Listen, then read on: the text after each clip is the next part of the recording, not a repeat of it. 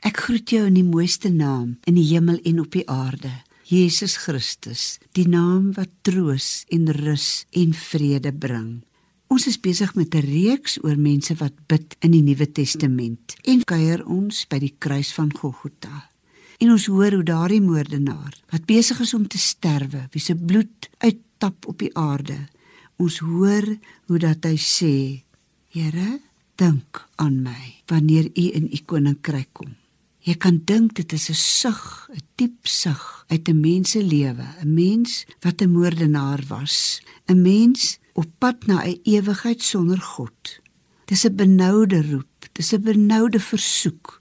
Here, dink aan my. Dink aan my. Hy gebruik glad nie die regte teologiese woorde nie. Hy gebruik glad nie Bybelwoorde nie. Maar dit kom diep uit sy siel. Dink aan my, Here, wanneer U in U koninkryk kom. Wat daardie woorde sê dat hy glo dat Jesus 'n koninkryk het en dat hy op pad is daarheen en dat hy vir hom kan plek hou daar in die koninkryk. En dan hierdie wonderlike woorde van die seun van God. Vandag sal jy met my in die paradys wees.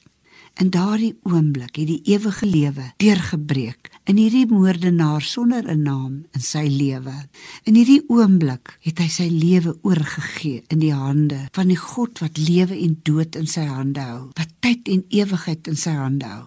En het die wedergeboorte in sy siel neergedaal. En hier hang hy langs die seun van God. Twee het langs hom gehang. Net een het die ewigheid ingegaan met Jesus. Hemelse Vader, dink ook aan my, die een wat nou roep en sê ek soek na vrede. Ek soek na vervulling, ek soek na die ewige lewe. Here, antwoord hierdie gebed, want ons het dit almal so nodig. En laat ons mekaar eendag in die ewigheid ontmoet. Ek bid dit met geloof in my hart in Jesus naam. Amen.